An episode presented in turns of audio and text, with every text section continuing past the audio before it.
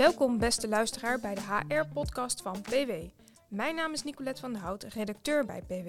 In deze driedelige serie, Revolutie in HR-land, ChatGPT, delen HR-experts hun inzichten over de impact, meerwaarde en gevaren van ChatGPT in de HR-sector.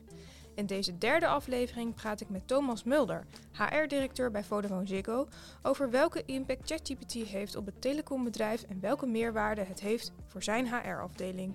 Welkom Thomas. Hoi, goedemiddag. De rol van HR met betrekking tot ChatGPT is tweeledig.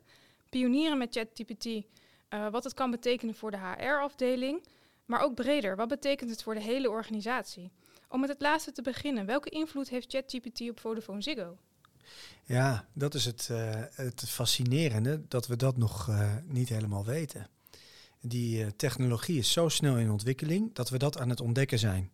En we zien heel veel kansen om bijvoorbeeld verkoop- en servicekanalen door artificial intelligence over te laten nemen, door taken in het netwerk door AI over te laten nemen en ook door in onze interne organisatie natuurlijk. En dat, dat moet je nu ontdekken. Maar jullie hebben al een onderzoek gestart, dus wat dat gaat betekenen. Ja. Um, is daar al iets uitgekomen? Nou, we zijn bezig met twee dingen. Dus aan de ene kant kijken we met de technologie wat zou het lange termijn perspectief kunnen zijn. Hoe zou op de lange termijn een organisatie die onderpind is eigenlijk met, met AI eruit kunnen zien. En het tweede is dat we op korte termijn kijken naar wat we noemen use cases. Hè, dus toepassingen voor AI en uh, om die zo snel mogelijk te implementeren en om daarvan te kunnen leren. En wat betekent dat voor jouw medewerkers? Nou, dat zij na moeten denken over die uh, technologie, dat uh, daar een ontwikkelvraagstuk ligt. Hè, om je, dat daarin te verdiepen, te kijken hoe je dat kan toepassen in, jouw in jouw processen. Maar dat kan ook betekenen dat als jij nu taken verricht die door AI overgenomen kunnen worden. Hè, en nou, er wordt over gesproken dat 40%, 50% van de banen op de een of andere manier wel geraakt wordt. Dan moet je ook afvragen wat dat betekent voor jouw ontwikkeling, voor jouw eigen groei. Wat, wat, wat moet je gaan leren, wat moet je gaan doen om ook relevant te zijn in een wereld waarin AI gemeengoed is. Ik hoor hier een belangrijke rol voor HR liggen. As always. Vertel. Nou, ik denk dat wij dat we op de korte termijn moeten helpen om die use cases te identificeren en te zorgen dat er een team is dat samengesteld is. We noemen dat een guild, hè, een team dat samengesteld is uit mensen vanuit de hele organisatie die samen kijken naar waar de use cases liggen, waar de mogelijkheden liggen. En een team dat ook gaat uh, zorgen dat er dus randvoorwaarden ingevuld worden. Dus vanuit IT, vanuit data privacy, vanuit een, een uh, juridisch uh, kader. alles om op de korte termijn te kijken hoe je het zo goed mogelijk kan toepassen. En zodat je zoveel mogelijk kan leren wat je ermee kunt. Het tweede is dat je een discussie moet faciliteren over de end state. Dus waar wil je op de lange termijn uh, naartoe? En het derde is dat je natuurlijk ook binnen de HR-functie moet kijken uh, wat, uh, wat de mogelijkheden zijn. Om nog heel even terug te komen bij de organisatie, want we gaan het zo meteen specifiek over de HR-afdeling hebben. Ja. Ik hoor jou ook zeggen, uh, nou ja, als jouw functie misschien vervangen wordt door ChatGPT, dan moet je je bijscholen, omscholen. Zorgt dat ook niet voor onrust? Nou, ik denk, we spreken nog niet per se over vervangen, hè, maar alle, dat zijn rollen die veranderen. Uh, omdat AI, en dat AI is nog wat anders dan ChatGPT, hè? dus uh, generative AI heeft daar een invloed op. Je ziet dat nu al bijvoorbeeld bij uh, onze agents die klantcontact hebben, die krijgen, als ze met klanten in gesprek zijn of op de chat zitten, als suggesties vanuit de AI wat ze zouden moeten doen. Dat is natuurlijk al een verandering ten opzichte van uh, een tijdje geleden, waarin dat nog niet zo was. En een volgende stap zou kunnen zijn dat de AI zelf uh, de leiding neemt in het gesprek met de klant en de medewerker weer op de achtergrond zit en het geheel overziet. Nou ja, dat zijn echt andere, is een andere invulling van je rol. En je moet je dus afvragen, wat, wat moet je daarvoor doen aan ontwikkeling om mensen die stap te kunnen laten maken. Ik denk dat het langzaam een beetje begint door te dringen bij mensen wat het potentieel van eh, AI is en wat het mogelijk zal kunnen betekenen. En ik denk dat langzaam mensen daar ook over na beginnen te denken. En uh, het is dus altijd belangrijk om met mensen in gesprek te zijn, sowieso, hè, over hun eigen ontwikkeling, hun toekomst, hun loopbaan.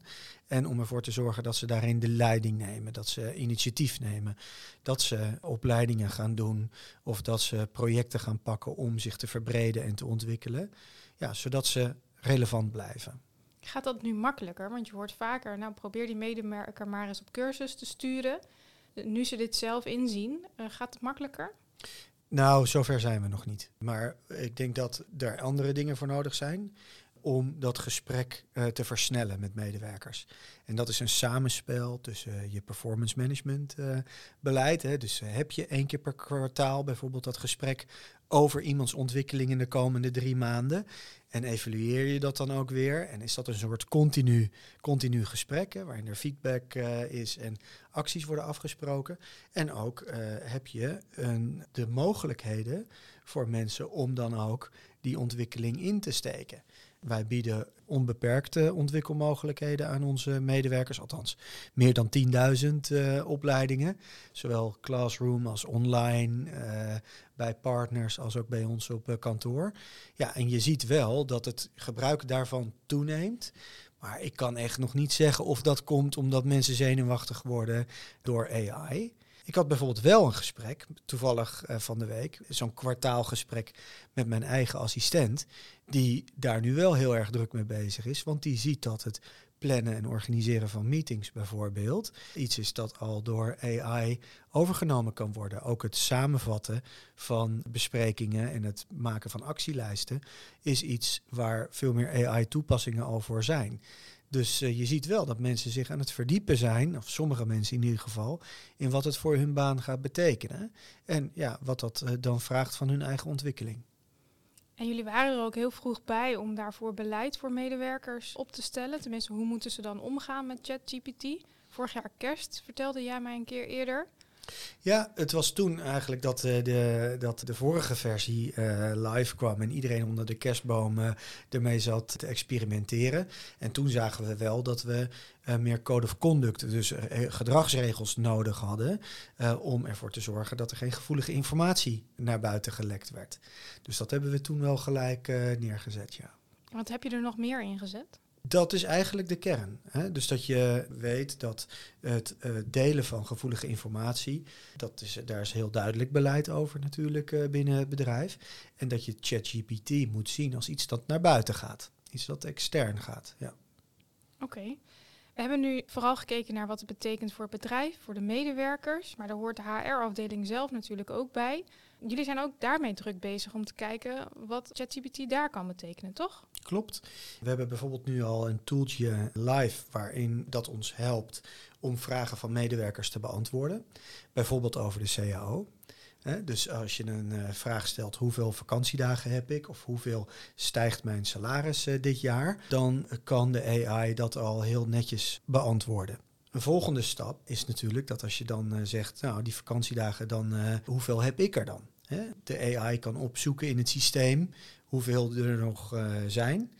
En dan is de volgende stap weer dat je dan kan zeggen, nou dan neem ik graag die week vakantie op, kan je dat in het systeem zetten. En dat de AI dat als het ware overneemt. En dat je als manager kan vragen van doe me even een overzichtje van wie wanneer in mijn team met vakantie is. Daar kijk, dat is één ding waar we nu uh, naar kijken. Dus eigenlijk een beetje een simpelere ja, toepassing van de AI. Maar daarnaast kan het ons ook helpen om uit alle databronnen die wij hebben, rondom engagement, rondom verloop, een werving, et cetera, et cetera. Te kijken of daar bepaalde verbanden in zitten die wij nog niet hadden gezien. Zodat we misschien kunnen voorspellen of mensen gaan opzeggen of dat mensen misschien ziek worden. Dus daar zijn we ook naar aan het kijken. Hoe kunnen we verschillende datapunten met elkaar verbinden en dan met AI daar patronen in, uh, in herkennen die we nu nog niet zien. Ja, en het derde wat we binnen HR natuurlijk moeten doen is zorgen dat wij uh, nadenken over die organisatieontwikkeling, over de learning journeys, zodat we onze business goed kunnen ondersteunen. En hoe borg je dan de privacy van de medewerker? Als je dat dus eigenlijk koppelt aan zijn personeelsbestand, wanneer hij vraagt hoeveel vakantiedagen heb ik nog, Ja. hoe borg je dan zijn privacy? Doordat dat, eh, dat kan alleen maar met eh, AI-toepassingen die je lokaal hebt. Dus waar de informatie niet gedeeld wordt en alleen maar voor een bepaalde tijd eh, beveiligd wordt opgeslagen. Dat kan je niet met een publieke versie doen. Nee, en geldt dat ook voor ChatGPT? Want je hebt het nu over AI, dat is breder dan ChatGPT, zoals je zei. Nou, ChatGPT is een AI-toepassing, een generatieve AI-toepassing. Zo zijn er meer. Hè? Dus ChatGPT is ge- gericht op tekst. Je hebt ook AI-toepassingen gericht op beeld, bijvoorbeeld. Dus daar, daar is een hele, heel breed pakket. En je ziet ook meer toepassingen in bijvoorbeeld Office 365. Ja, en, en het gaat om die verschillende eh, vormen van AI en hoe je die kan toepassen. ChatGPT is daar maar één van. Uh, maar je kan dus ook uh, kiezen voor uh, de AI-oplossingen van andere providers. Ik vraag er nog, nog heel even over door. Want is er voor ChatGPT dan ook een versie die je kunt integreren in je bedrijfssysteem en waarmee dus ook de veiligheid is gewaarborgd? Ja, dat is nu in ontwikkeling. En inderdaad, dan kom je in een, een lokale domestic omgeving. En dat heb je nodig voor de, de meeste HR-oplossingen. Als je die echt in je bedrijfsprocessen wil integreren. Als ik het zo hoor, zijn jullie er al heel druk mee bezig. Um, hoe komt dat? Ik was in ieder geval ook echt onder de indruk van de snelheid waarmee dit gaat en de kwaliteit die het lijkt op te leveren. En toen ik onze specialisten in mei hoorde over de toepassingen van de laatste versie van ChatGPT en dat ze dat eigenlijk nog helemaal niet verwacht hadden zes maanden daarvoor, dat het überhaupt zou kunnen, maar het was er al. Toen dacht ik, ja, dit is exponentieel, hè, zoals dat heet. Hè. Dus die, dit gaat ongelooflijk uh, snel. En dat betekent dat je heel snel op die trein moet springen en uit moet vinden wat je ermee kunt.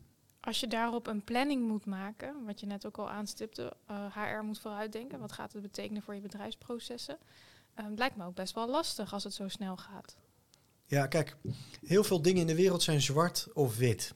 Die zijn duidelijk. De paden zijn al een keer begaan. En uh, je weet wel wat je moet doen of iemand anders kan het je vertellen. Maar er zijn ook dingen die zijn niet zwart of wit, die zijn grijs. Die zijn onduidelijk. Uh, nog niet iemand, uh, iemand heeft het nog niet eerder gedaan. Je moet het verkennen met elkaar. En dan is het moeilijk om een planning te maken. Maar dat zijn wel de, de terreinen, de dingen waar je kunt leren, waar je ontwikkeling kan doormaken, waar je waarde kan creëren voor je bedrijf. Dus daar moet je ook gewoon inspringen en zorgen dat je goed nadenkt over die structuur. Hoe ga je werken? Dat hebben we wel gedaan. Dus met zo'n guild, waar we heel duidelijk hebben aangegeven wie met welke verantwoordelijkheid meewerken aan, aan deze initiatieven. Uh, zodat dat duidelijk is voor de organisatie, dat je daar geen wildgroei uh, zeg maar, uh, krijgt, dat je daar focus in aanbrengt. Maar dan moet je ook gewoon het diepe in springen en kijken hoe je zo snel mogelijk kunt leren. En dingen kunt proberen om zo het juiste te doen. En volgens mij vind je dat echt heel leuk, want je zit hier achter die microfoon te glunderen. Ja, nou ja, dat zijn inderdaad altijd de spannende dingen die ik heel leuk vind, ja. Wat zou jij tot slot tegen de luisterende HR willen zeggen als het gaat om ChatGPT? Omarm het. Dus probeer je erin te verdiepen. Ik ben ook geen specialist. Dat uh, zullen sommige luisteraars misschien al wel uh, gehoord hebben. Maar verdiep je erin. Probeer te leren van wat andere bedrijven doen en wat er allemaal over geschreven wordt. En het tweede is dan begin. Begin met de toepassingen. Begin dus met het, het organiseren van een groepje binnen je bedrijf of een team of een cluster of hoe je het wil noemen. Die hiermee gaan experimenteren. En terwijl je aan het experimenteren bent, probeer te kijken of je een plaatje kan tekenen van wat het potentieel uh, is dat uh, AI te brengen heeft. En als je dat plaatje hebt, dan kan je daar gestructureerd naartoe werken.